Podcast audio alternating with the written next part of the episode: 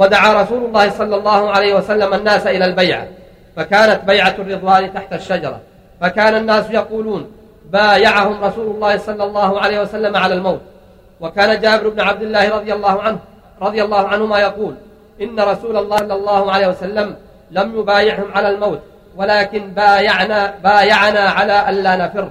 فبايع الناس ولم يتخلف أحد من المسلمين حضرها إلا الجد بن قيس. أخو بني سلمة. سلمة. بني سلمة.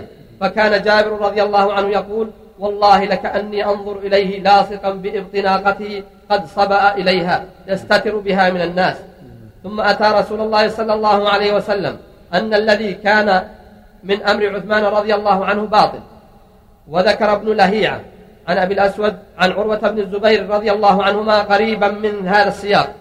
وزاد في سياق في سياقه أن قريشا بعثوا وعندهم عثمان رضي الله عنه سهيل بن عمرو وحويطب بن عبد العزى ومكرز بن حفص إلى رسول الله صلى الله عليه وسلم فبينما هم عندهم إذ وقع كلام بين بعض المسلمين وبعض المشركين وتراموا بالنبل والحجارة وصاح الفريقان كلاهما وارتهن كل من الفريقين من عنده من الرسل. ونادى منادي رسول الله صلى الله عليه ونادى منادي رسول الله صلى الله عليه وسلم. ألا إن روح القدس قد نزل على رسول الله صلى الله عليه وسلم وأمر بالبيع. فاخرجوا على اسم الله تعالى فبايعوا. فسار, فسار المسلمون إلى رسول الله صلى الله عليه وسلم وهو تحت الشجر. فبايعوه على أن لا يفروا أبدا. فأرعب ذلك المشركين. وأرسلوا فأرعب ذلك المشركين. وأرسلوا من كان عندهم من المسلمين ودعوا إلى الموادعة والصلح. وقال الحافظ أبو بكر البيهقي أخبرنا علي بن أحمد بن عبدان أخبرنا أحمد بن عبيد الصفار حدثنا هشام حدثنا الحسن بن بشير حدثنا الحكم بن عبد الملك عن قتادة عن أنس بن عن أنس بن مالك رضي الله عنه قال لما أمر رسول الله صلى الله عليه وسلم ببيعة الرضوان كان عثمان بن عفان رضي الله عنه رسول رسول الله صلى الله عليه وسلم إلى أهل مكة. فبايع الناس فقال رسول الله صلى الله عليه وسلم اللهم إن عثمان في حاجة في حاجة الله تعالى وحاجة رسوله. فضرب بإحدى يديه على الأخرى فكانت يد رسول الله صلى الله عليه وسلم لعثمان رضي الله عنه خيرا من أيديهم لأنفسهم. قال ابن هشام حدثني من أثق به عمن حدثه بإسناد له عن عن ابن أبي مليكة. عن ابن عمر رضي الله عنهما قال بايع رسول الله, رسول الله صلى الله عليه وسلم لعثمان رضي الله عنه فضرب بإحدى يديه على الأخرى وقال عبد الملك بن هشام النحوي فذكر وكيع نعم. وقال عبد الملك وقال عبد الملك بن هشام النحوي النحوي. فذكر وكيع عن عن إسماعيل ابن ابن أبي خالد عن الشعبي قال إن أول من بايع رسول الله صلى الله عليه وسلم بيعة الرضوان أبو سنان الأسدي. وقال أبو بكر عبد الله بن الزبير الحدي حدثنا سفيان حدثنا ابن أبي خالد عن الشعبي قال لما دعا رسول الله صلى الله عليه وسلم الناس إلى البيعة كان أول من انتهى إليه أبو سفيان أو سنان الأسدي. فقال أبسط يدك أبايع. فقال النبي صلى الله عليه وسلم على ما تبايعني؟ فقال أبو سنان رضي الله عنه على ما في نفسك. هذا أبو سنان بن وهب الأسدي رضي الله عنه. وقال البخاري حدثنا شجاع بن الوليد أنه سمع النضر بن محمد يقول حدثنا صخر بن الربيع عن نافع رضي الله عنه قال عن صخر بن الربيع عن عن نافع رضي الله عنه. قال إن الناس يتحدثون أن ابن عمر رضي الله عنهما أسلم قبل عمر. وليس كذلك. ولكن عمر رضي الله عنه يوم الحديبية أرسل عبد الله إلى فرس له عند رجل من الأنصار أنه يأتي به أن يأتي به ليقاتل عليه ورسول الله صلى الله عليه وسلم يبايع عند الشجرة. يبايع. عند الشجرة. وعمر رضي الله عنه لا يدري بذلك. فبايعه عبد الله رضي الله عنه ثم ذهب إلى الفرس فجاء به إلى عمر رضي الله عنه. وعمر رضي الله عنه يستلزم للقتال. فأخبره وعمر. رضي الله عنه يستلثم يستلثم أو يستلئم بالهمزة. بالهمزة نعم. يستلئم يستلئم نعم. يستلئم للقتال. فأخبره أن رسول الله صلى الله عليه وسلم يبايع تحت الشجرة. فانطلق. فانطلق فذهب معه. حتى بايع رسول الله صلى الله عليه وسلم. وهي التي يتحدث الناس أن ابن عمر أسلم قبل عمر رضي الله عنهما. ثم قال البخاري وقال هشام بن عمار حدثنا الوليد بن مسلم حدثنا عمرو بن محمد عمري أخبرني نافع عن ابن عمر رضي الله عنهما قال إن الناس كانوا مع رسول الله صلى الله عليه وسلم قد تفرقوا في ظلال الشجر. فإذا الناس محدقون بالنبي صلى الله عليه وسلم. فقال يعني عمر رضي الله عنه يا عبد الله انظر ما شأن الناس. قد أحدقوا برسول الله صلى الله عليه وسلم فوجدهم يبايعون فبايع. ثم رجع إلى عمر رضي الله عنه فخرج فبايع وقد أسنده البيهقي. عن أبي عمرو الأديب عن أبي بكر الإسماعيلي عن الحسن بن سفيان عن دحيم حدثني الوليد بن مسلم فذكره. وقال الليث عن أبي الزبير عن جابر رضي الله عنه قال كنا يوم الحديبية ألفا وأربعمائة فبايعناه وعمر رضي الله عنه آخذ بيده تحت الشجرة وهي سمرة وقال بايعناه على ألا نفر ولا ولم نبايعه على الموت رواه مسلم عن قتيبة عنه. وروى مسلم عن يحيى عن يحيى عن يزيد بن زريع عن خالد عن الحكم بن عبد الله الأعرج عن معقل أو معقل بن يسار رضي الله عنه قال لقد رأيتني يوم الشجرة والنبي صلى الله عليه وسلم يبايع الناس وأنا رافع غصنا من أغصانها على رأسه ونحن أربع عشرة مئة قال ولم نبايعه على الموت ولكن بايعناه على ألا نفر وقال البخاري حدثنا المكي بن إبراهيم عن يزيد بن أبي عبيد عن سلمة بن الأكوع رضي الله عنه قال بايعت رسول الله صلى الله عليه وسلم تحت الشجر. قال يزيد قلت يا أبا مسلمة على أي شيء كنتم تب... قال يزيد قلت يا أبا مسلمة. قلت؟ قلت يا أبا مسلمة. قلت يا سلمة يا أبا مسلمة يسأل قلت يا سلمة على أي شيء كنتم تبايعون يومئذ؟ قال على الموت. وقال البخاري أيضا حدثنا أبو عاصم. ومعنى معنى معنى الفراق على عدم الفراق الموت لكن مقصود الصحابة أن العبارة أننا نفر بايعوه على أن لا يفروا يعني وإن قتلوا؟ بايعوه على أنهم يقاتلون ولا يفرون حتى يقضي الله بينهم وبين عدوهم. ومعلوم أن الذي يقاتل ولا يفر قد ينتهي به أمر الموت. فلا منافاة بين بين هذا وهذا. نعم. وقال البخاري أيضا حدثنا أبو عاصم حدثنا يزيد بن أبي عبيد عن سلمة رضي الله عنه قال بايعت رسول الله صلى الله عليه وسلم يوم الحديبية ثم تنحيت فقال صلى الله عليه وسلم يا سلمة ألا تبايع؟ قلت قد بايعت. قال صلى الله عليه وسلم أقبل فبايع. فدنوت فبايعته. قلت على ما بايعته يا سلمة؟ قال على الموت. وأخرجه مسلم من وجه آخر عن يزيد بن أبي عبيد. وكذا روى البخاري عن عباد بن تميم أنهم بايعوه على الموت. لا. منافاة بين أننا نفر وبين الموت المعنى واحد. نعم. وقال البيهقي. تقريب يزيد بن أبي يزيد بن أبي أظن مولى لسلمة. عتيق الله رضي الله عنه. وقال البيهقي أخبرنا أبو عبد الله الحافظ أخبرنا أبو الفضل ابن إبراهيم حدثنا أحمد بن سلمة حدثنا إسحاق بن إبراهيم حدثنا أبو عامر العقدي حدثنا عبد الملك بن عمرو حدثنا عكرمة بن عمار اليمامي عن إياس بن سلمة عن أبيه سلمة بن الأكوع رضي الله عنه قال قدمنا الحديبية مع رسول الله صلى الله عليه وسلم ونحن أربع عشرة مئة وعليها خمسون شاة لا, لا ترويها. فقعد رسول الله صلى الله عليه وسلم على جباها يعني الركي فأم فإما دعا وإما بصق فيها فجاشت فسقينا واستقينا. قال ثم إن رسول الله صلى الله عليه وسلم دعا إلى البيعة في أصل الشجرة فبايعته أول الناس ثم بايع وبايع حتى إذا كان في وسط الناس. قال صلى الله عليه وسلم يا بايعني يا سلمة. قال قلت يا رسول الله قد بايعتك في أول الناس. قال صلى الله عليه وسلم وأيضا. قال ورآني رسول الله صلى الله عليه وسلم عزلا فأعطاني جحفة أو درقة. ثم بايع حتى إذا كان في آخر الناس. قال صلى الله عليه وسلم ألا تبايع يا سلمة؟ قال قلت يا رسول الله قد بايعتك في أول الناس وأوسطهم. قال صلى الله عليه وسلم وأيضا. فبايعته الثالثة. فقال رسول الله صلى الله عليه وسلم يا سلمة أين جحفتك؟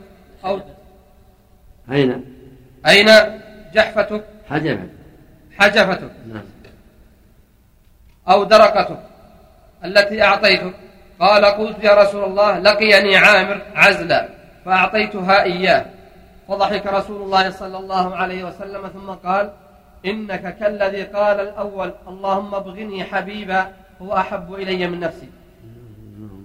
قال ثم إن المشركين من أهل مكة راسلونا في الصلح حتى مشى بعضنا في في بعض فاصطلحنا. قال وكنت خادما لطلحة بن عبد بن عبيد الله رضي الله عنه أسقي فرسه وأجنبه وآكل من وآكل من طعامه. وتركت أهلي ومالي مهاجرا إلى الله ورسوله. فلما اصطلحنا نحن وأهل مكة اختلط بعضنا في بعض. أتيت شجرة فكشطت شوكها. ثم اضطجعت في أصل في أصلها. أتيت. أتيت شجرة فكشحت شوكها. ثم اضطجعت في أصلها في ظلها. فأتاني أربعة من المشرك من مشركي أهل مكة فجعلوا يقعون في رسول الله صلى الله عليه وسلم فأبغضتهم وتحولت إلى شجرة أخرى فعلقوا سلاحهم واضطجعوا فبينما هم كذلك إذ نادى مناد من أسفل الوادي يا للمهاجرين قتل ابن زنيم. قتل قتل ابن زنيم. نعم. فاخترت سيفي فشددت على أولئك الأربعة. دحيم دحيم دحيم دهيم. بالهاء والميم دحيم وش عندك أنت؟ بالنون والميم. دحيم ولا دحيم؟ زهيم. زين نعم. زنيم. عندي زنيم. زين نعم بالنون. هذا نسخة دحيم نسخة. فشددت على ها على على أولئك الأربعة وهم ركود فأخذت سلاحهم وجعلته ضغثا في يدي أو في يدي. ثم قلت والذي كرم وجه محمد صلى الله عليه وسلم لا يرفع أحد منكم رأسه إلا ضربت الذي فيه عيناه. قال ثم جئت بهم أسوقهم إلى رسول الله صلى الله عليه وسلم. قال وجاء عمي عامر برجل من من العبلات. يقال له مكرز. إيش وجاء عمي. وجاء عمي عامر برجل من العبلات. يقال له مكرز. اي نعم. من المشركين يقوده حتى وقفنا بهم على رسول الله صلى الله عليه وسلم في سبعين من المشركين. فنظر إليهم رسول الله صلى الله عليه وسلم وقال دعوهم يكن لهم بدء الفجور وثناؤه. فعفى عنهم رسول الله صلى الله عليه وسلم. وأنزل الله عز وجل وهو الذي كف أيديهم عنكم وأيديكم عنهم ببطن مكة من بعد أن أظفركم عليهم. الآية. وهكذا رواه مسلم عن إسحاق بن راهويه بسنده نحوه أو قريبا منه. نعم. هو وهكذا رواه نعم. وهكذا رواه مسلم عن إسحاق بن راهويه بسنده نحوه أو قريبا منه. وثبت في الصحيحين من حديث أبي عوانة عن طارق عن سعيد بن المسيب قال كان أبي ممن بايع رسول الله صلى الله عليه وسلم تحت الشجرة. قال فانطلقنا من قابل حاجين. فخفي علينا مكانها فانطلقنا. فانطلقنا من قابل نعم. حاجين فخفي علينا مكانها.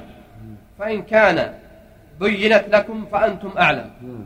وقال أبو بكر الحميدي حدثنا سفيان حدثنا أبو الزبير حدثنا جابر رضي الله عنه قال لما دعا رسول الله صلى الله عليه وسلم الناس إلى البيعة وجدنا رجلا منا يقال له الجد بن قيس. مختبئا تحت إبط بعيره. رواه مسلم من حديث ابن جريج عن ابن الزبير به. رواه مسلم من حديث ابن جريج عن ابن الزبير به. عن أبي أبي. نعم. اللهم وقال الحميدي أيضا حدثنا سفيان عن عمرو أنه سمع جابرا رضي الله عنه قال كنا يوم الحديبية ألفا وأربعمائة. فقال لنا رسول الله صلى الله عليه وسلم أنتم خير أهل الأرض اليوم.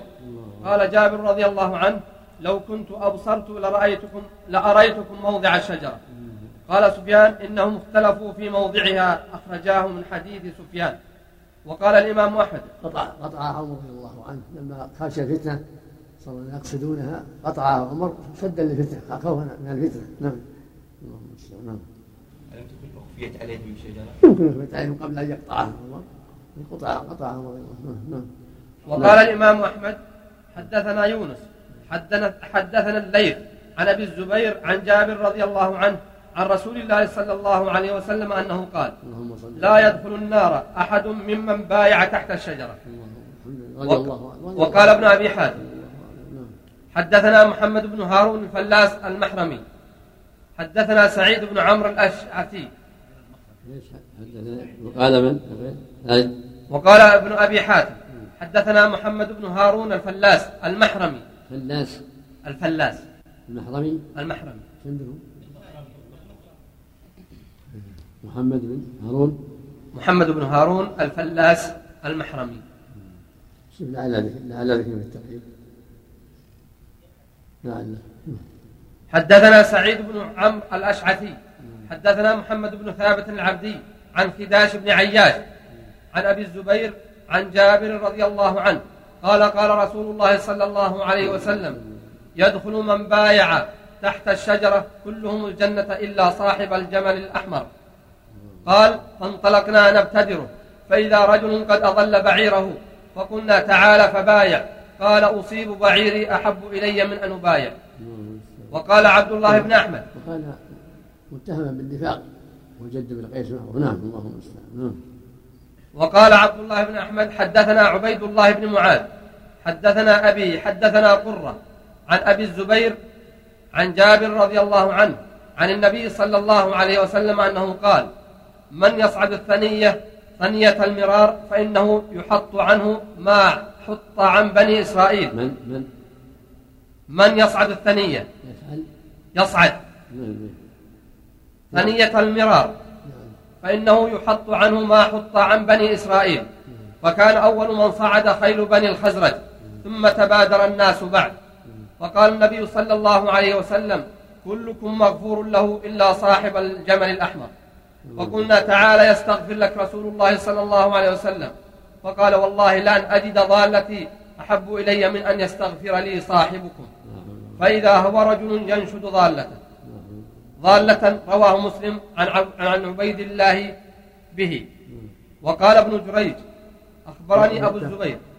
بن هارون؟ اي نعم نعم.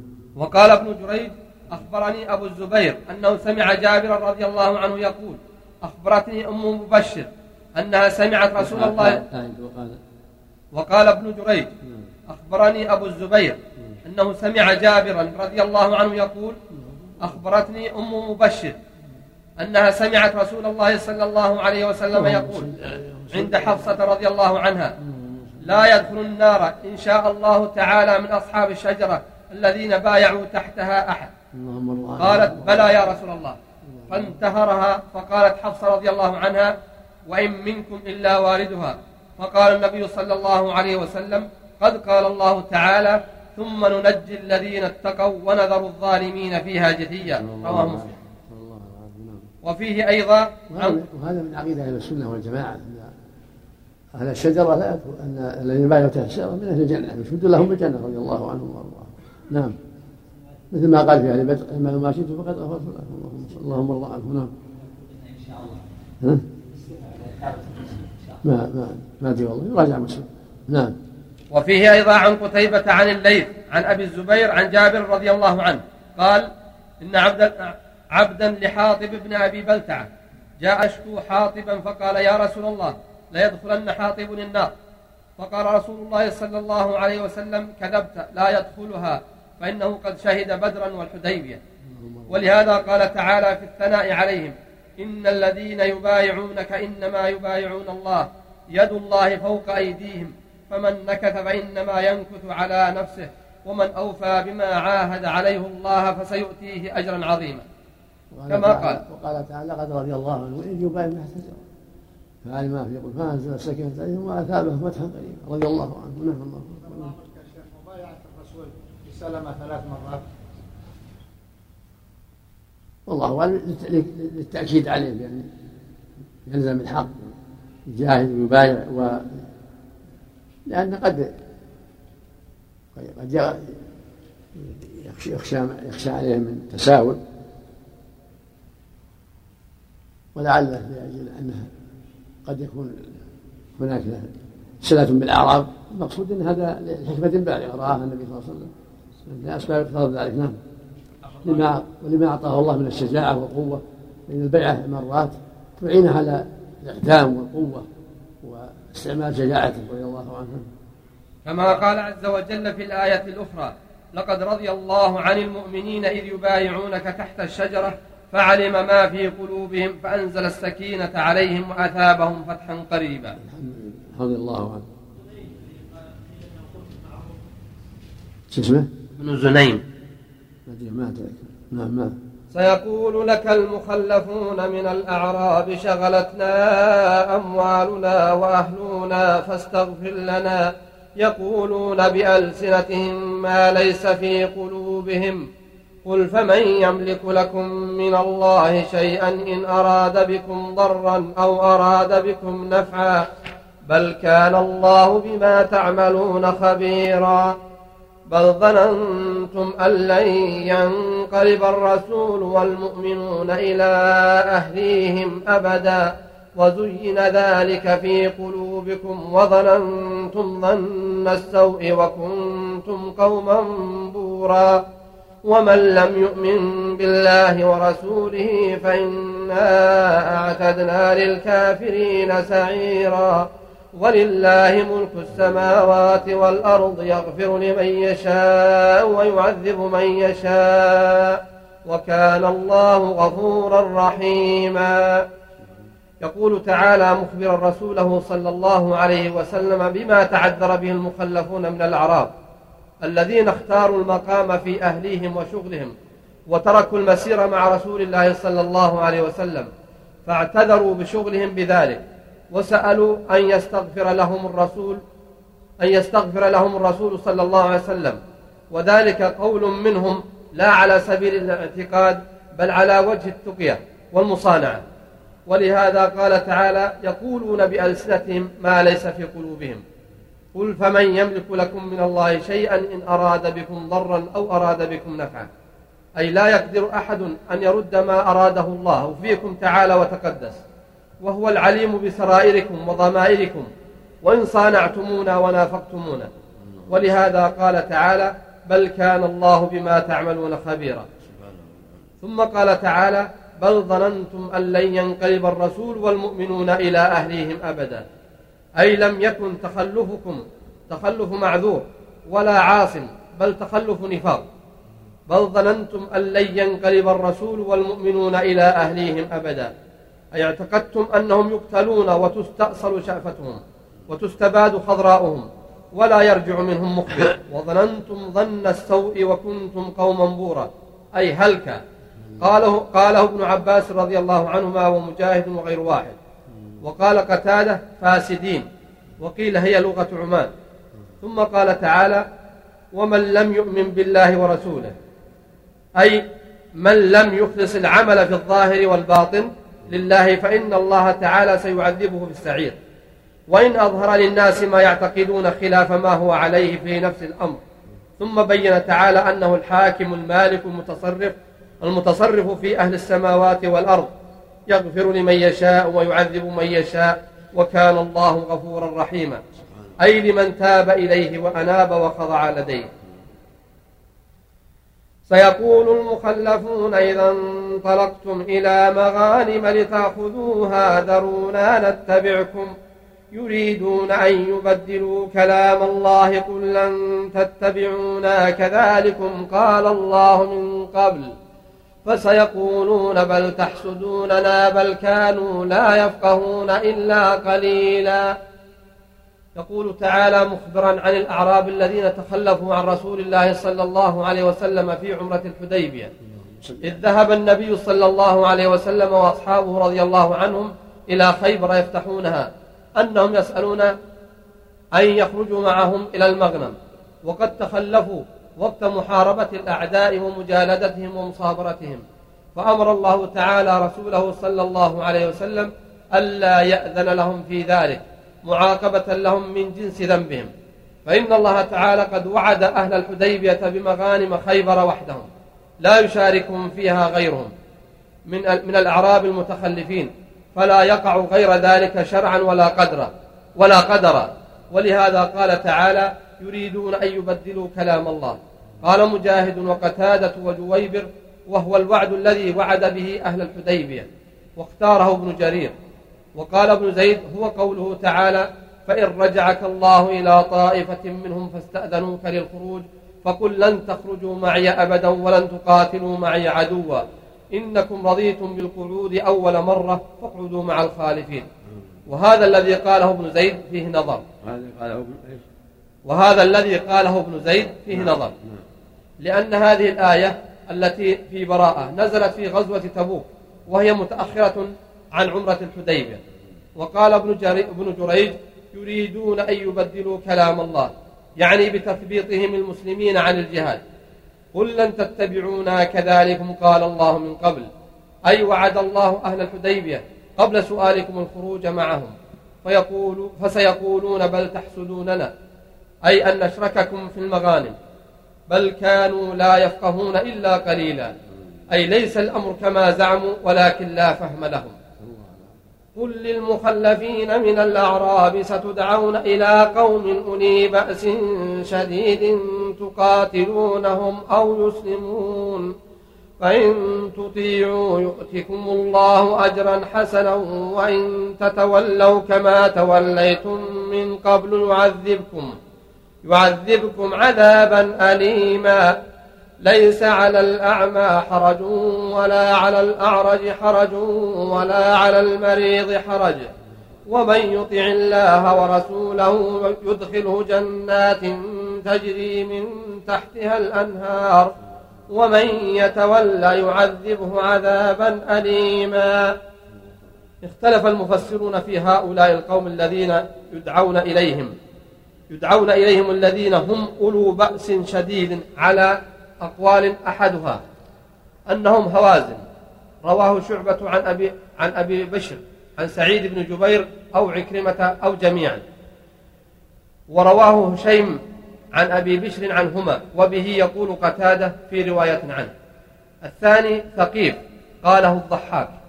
الثالث بنو حنيفة قاله جويبر ورواه محمد بن إسحاق عن الزهري وروي مثله عن سعيد وعكرمة. وروي مثله. عن سعيد وعكرمة. الرابع هم أهل فارس. رواه علي بن أبي طلحة عن ابن عباس رضي الله عنهما. وبه يقول عطاء ومجاهد وعكرمة في إحدى الروايات عنه. وقال كعب الأحبار هم الروم. وعن ابن أبي ليلى وعطاء والحسن وقتادة هم فارس والروم. وعن مجاهد هم أهل الأوثان. وعنه أيضا هم رجال أولو بأس شديد. ولم يعين فرقة. وبه, وبه يقول ابن جريج وهو اختيار ابن جرير. وقال ابن أبي حاتم حدثنا الأشج حدثنا عبد الرحمن بن إسحاق القواريري عن معمر. حدثنا الأشج حدثنا عبد الرحمن بن إسحاق القواريري عن معمر عن الزهري في قوله تعالى ستدعون إلى قوم أولي بأس شديد قال لم يأت أولئك بعد وحدثنا أبي حدثنا ابن أبي عمر. حسن؟ شو عندك؟ ابن إسحاق القواريري. عندك ابن حسن؟ حط نسخة عندك ابن إسحاق. عندك نسخة حسن عن نسخة نعم. حدثنا ابن أبي عمر. حدثنا سفيان عن أبي خالد عن أبيه عن أبي هريرة رضي الله عنه في قوله تعالى ستدعون إلى قوم أولي بأس شديد. قال هم البارزون. هم هم البارزون. قال وحدثنا سفيان. هم, هم إيش؟ البارزون. باردون البارزون. بارزون؟ نعم. نعم. قال وحدثنا سفيان عن الزهري عن سعيد بن المسيب عن أبي هريرة رضي الله عنه عن النبي صلى الله عليه وسلم قال لا تقوم الساعة حتى تقاتلوا قوما صغار الأعين ذلف الأنوف. كأن وجوههم المجان المطرقة. المجان. المجان المطرقة. قال سفيان هم الترك. قال ابن أبي عمر وجدت في مكان آخر حدث حدثنا ابن أبي خالد. عن أبيه قال نزل علينا أبو هريرة رضي الله عنه ففسر قول رسول الله صلى الله عليه وسلم تقاتلون تقاتلوا قوما نعالهم الشعر قال هم البارزون يعني الأكراد. وقوله تعالى تقاتلونهم أو يسلمون يعني شرع لكم جهادهم وقتالهم فلا يزال ذلك مستمرا عليهم ولكم النصرة عليهم أو يسلمون فيدخلون في دينكم بلا قتال بل باختيار.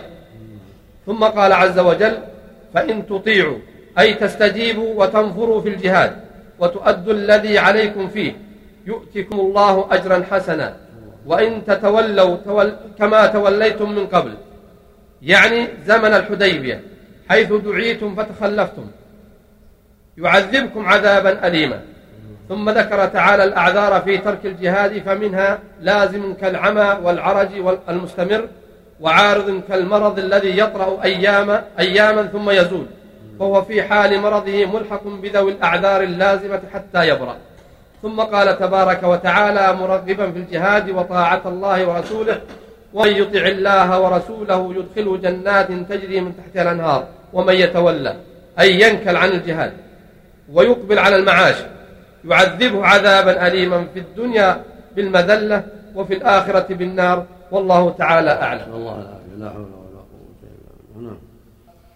لقد رضي الله عن المؤمنين إذ يبايعونك تحت الشجرة فعلم ما في قلوبهم فأنزل السكينة عليهم فأنزل السكينة عليهم وأثابهم فتحا قريبا ومغانم كثيرة يأخذونها وكان الله عزيزا حكيما. سبحان الله.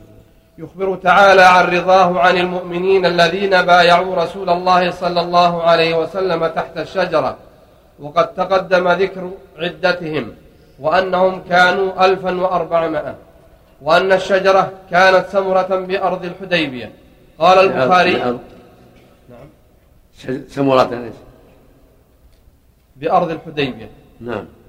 قال البخاري حدثنا محمود حدثنا عبيد الله عن إسرائيل عن طارق أن عبد الرحمن رضي الله عنه قال انطلقت حاجا فمررت بقوم يصلون فقلت ما هذا المسجد؟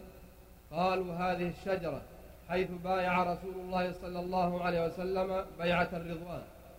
فأتيت سعيد بن المسيب فأخبرته فقال سعيد حدثني أبي أنه كان في من بايع رسول الله صلى الله عليه وسلم تحت الشجرة فقال قال فلما خرجنا من العام المقبل نسيناها فلم نقدر عليها. فقال سعيد إن أصحاب محمد صلى الله عليه وسلم لم يعلموها وعلمتموها أنتم فأنتم أعلم. وقوله تعالى هذه شيء قطعها عمر لما رأى الناس يأتون إليها قطعها خشية من الغلو. نعم قطعها رضي الله عنه وأزالها. وقوله تعالى فعلم ما في قلوبهم. قول المؤلف 1400 في رواية أخرى كانوا أكثر من 1400 في رواية كانوا 1500 لكن نعم.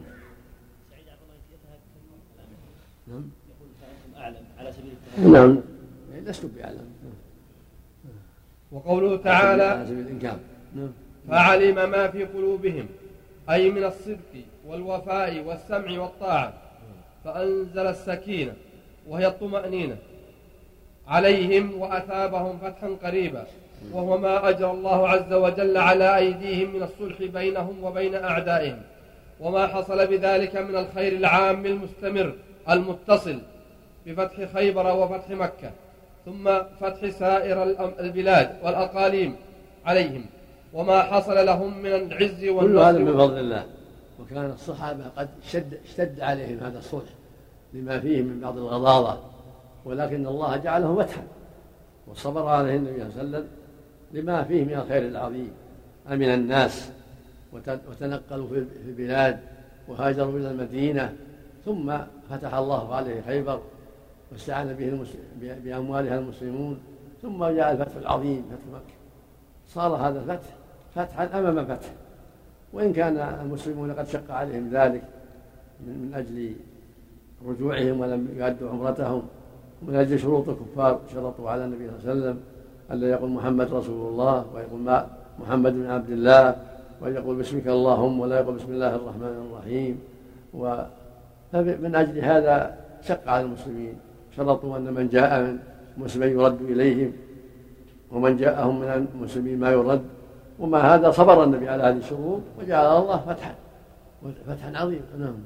وفي هذا دلالة على أن ولاة الأمور ينظروا في المصالح وإن خفي على بعض الناس حكمته ينظروا في مصالح المسلمين وإن كان فيها بعض الغضاضة على المسلمين إذا كان وراءها ما هو أصلح وأنفع. وما حصل لهم من العز والنصر والرفعة في الدنيا والآخرة. ولهذا قال تعالى ومغانم كثيرة يأخذونها وكان الله عزيزا حكيما قال ابن أبي حاتم وفي هذا من قبل الصحابة أن الله رضي عنهم. في الرد على الشيعة والإمامية المبغضة لأصحاب النبي صلى الله عليه وسلم. يقول الله جل وعلا والسابقون الأولون من المهاجرين والأنصار والذين اتبعوهم بإحسان رضي الله عنهم ورضوا عنه وأعد لهم جنات تجري تحتها الأنهار. هذا وصف الصحابة من الأنصار والمهاجرين ومن سلك سبيلهم. يقول صلى الله عليه وسلم والذي نفسي بيده لو أنفق أحدهم مثل أحد ذهبا ما بلغ ما, ما بلغ مد أحدهم ولا نصيف مد أحد الصحابة ولا نصيف لما أوصى بأصحابه عليه الصلاة والسلام.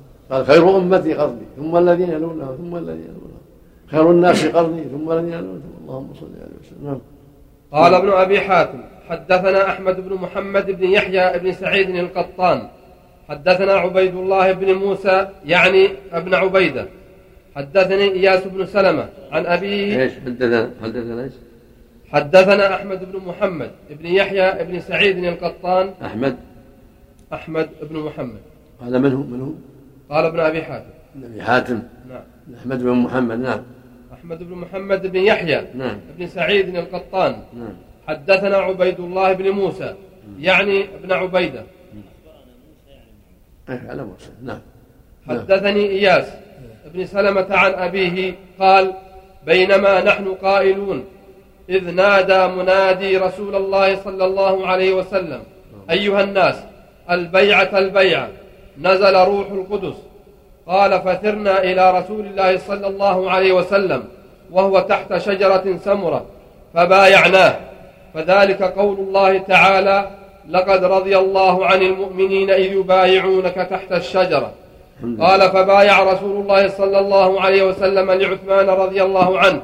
بإحدى يديه على الأخرى فقال الناس هنيئا لابن عفان يطوف بالبيت ونحن ها هنا. فقال رسول الله صلى الله عليه وسلم لو مكث كذا وكذا سنة ما طاف حتى أطوف.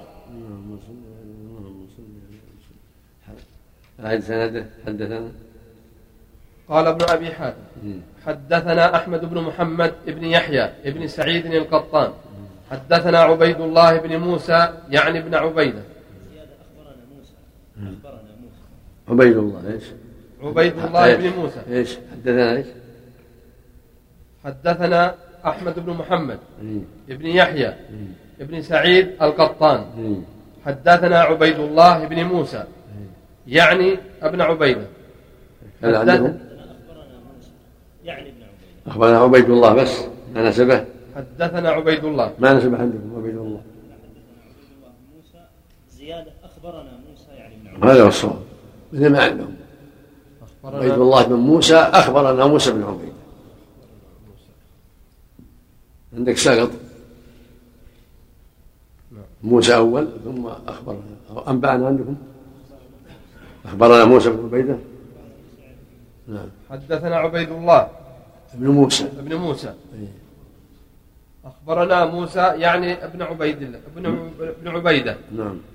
حدثنا إياس بن سلمة عن أبيه قال بينما نحن قائلون إذ نادى منادي رسول الله منادي رسول الله صلى الله عليه وسلم أيها الناس البيعة البيعة نزل روح القدس قال فثرنا إلى رسول الله صلى الله عليه وسلم وهو تحت شجرة سمرة فبايعناه فذلك قول الله تعالى لقد رضي الله عن المؤمنين إذ يبايعونك تحت الشجرة.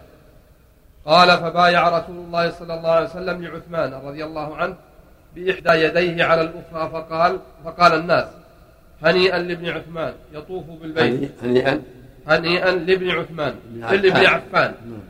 يطوف بالبيت ونحن ها هنا. فقال رسول الله صلى الله عليه وسلم لو مكث كذا وكذا سنة ما طاف حتى أطوف. فعلا قال له لا طوف. قال لا ما أطوف حتى يأتي النبي صلى الله عليه وسلم فيطوف. لم يطوف. حتى رجع إلى النبي صلى الله عليه وسلم.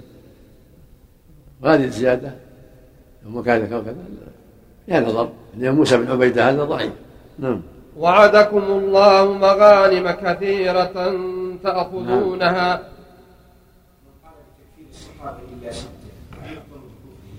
ما في شك. من كفر الصحابة فهو كافر. هم هم حملة الشر كالإمامية وأشبه. نعم صلى الله. عليه وسلم نعم. بالنسبة للحديبية لها اسم الآن ولا زال؟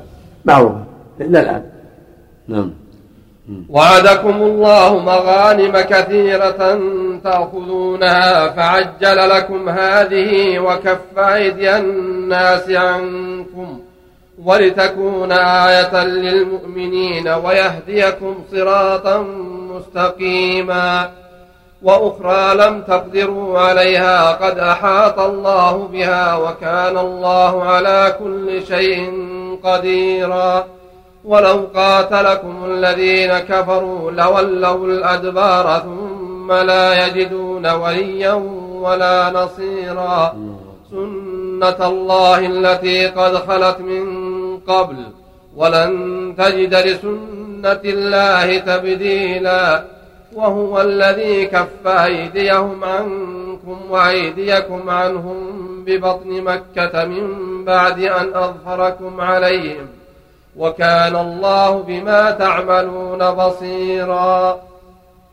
قال مجاهد في قوله تعالى وعدكم الله مغانم كثيرة تأخذونها هي جميع المغانم إلى اليوم فجعل لكم هذه يعني فتح خيبر. وروى العوفي عن ابن عباس رضي الله عنهما فعجل لكم هذه يعني صلح الحديبية. وكف أيدي الناس عنكم. أي لم ينلكم سوء مما كان أعداؤكم أضمروه لكم من المحاربة والقتال. وكذلك كف أيدي الناس عنكم الذين خلفتموهم وراء ظهوركم عن عيالكم وحريمكم. ولتكون آية للمؤمنين. أي يعتبرون بذلك. فإن الله تعالى حافظهم وناصرهم على سائر الأعداء مع قلة عددهم. وليعلموا بصنيع الله هذا بهم. إنه العالم بعواقب الأمور. وأن الخيرة وأن الخيرة فيما يختاره فيما يختاره لعباده المؤمنين. وإن كرهوه في الظاهر كما قال عز وجل وعسى أن تكرهوا شيئا وهو خير لكم. ويهديكم صراطا مستقيما. أي بسبب انقيادكم لأمره واتباعكم طاعته وموافقتكم رسوله صلى الله عليه وسلم. نهاية الشريط الأول. وسعدت بصحبتكم مؤسسة أسمع للإنتاج الإعلامي.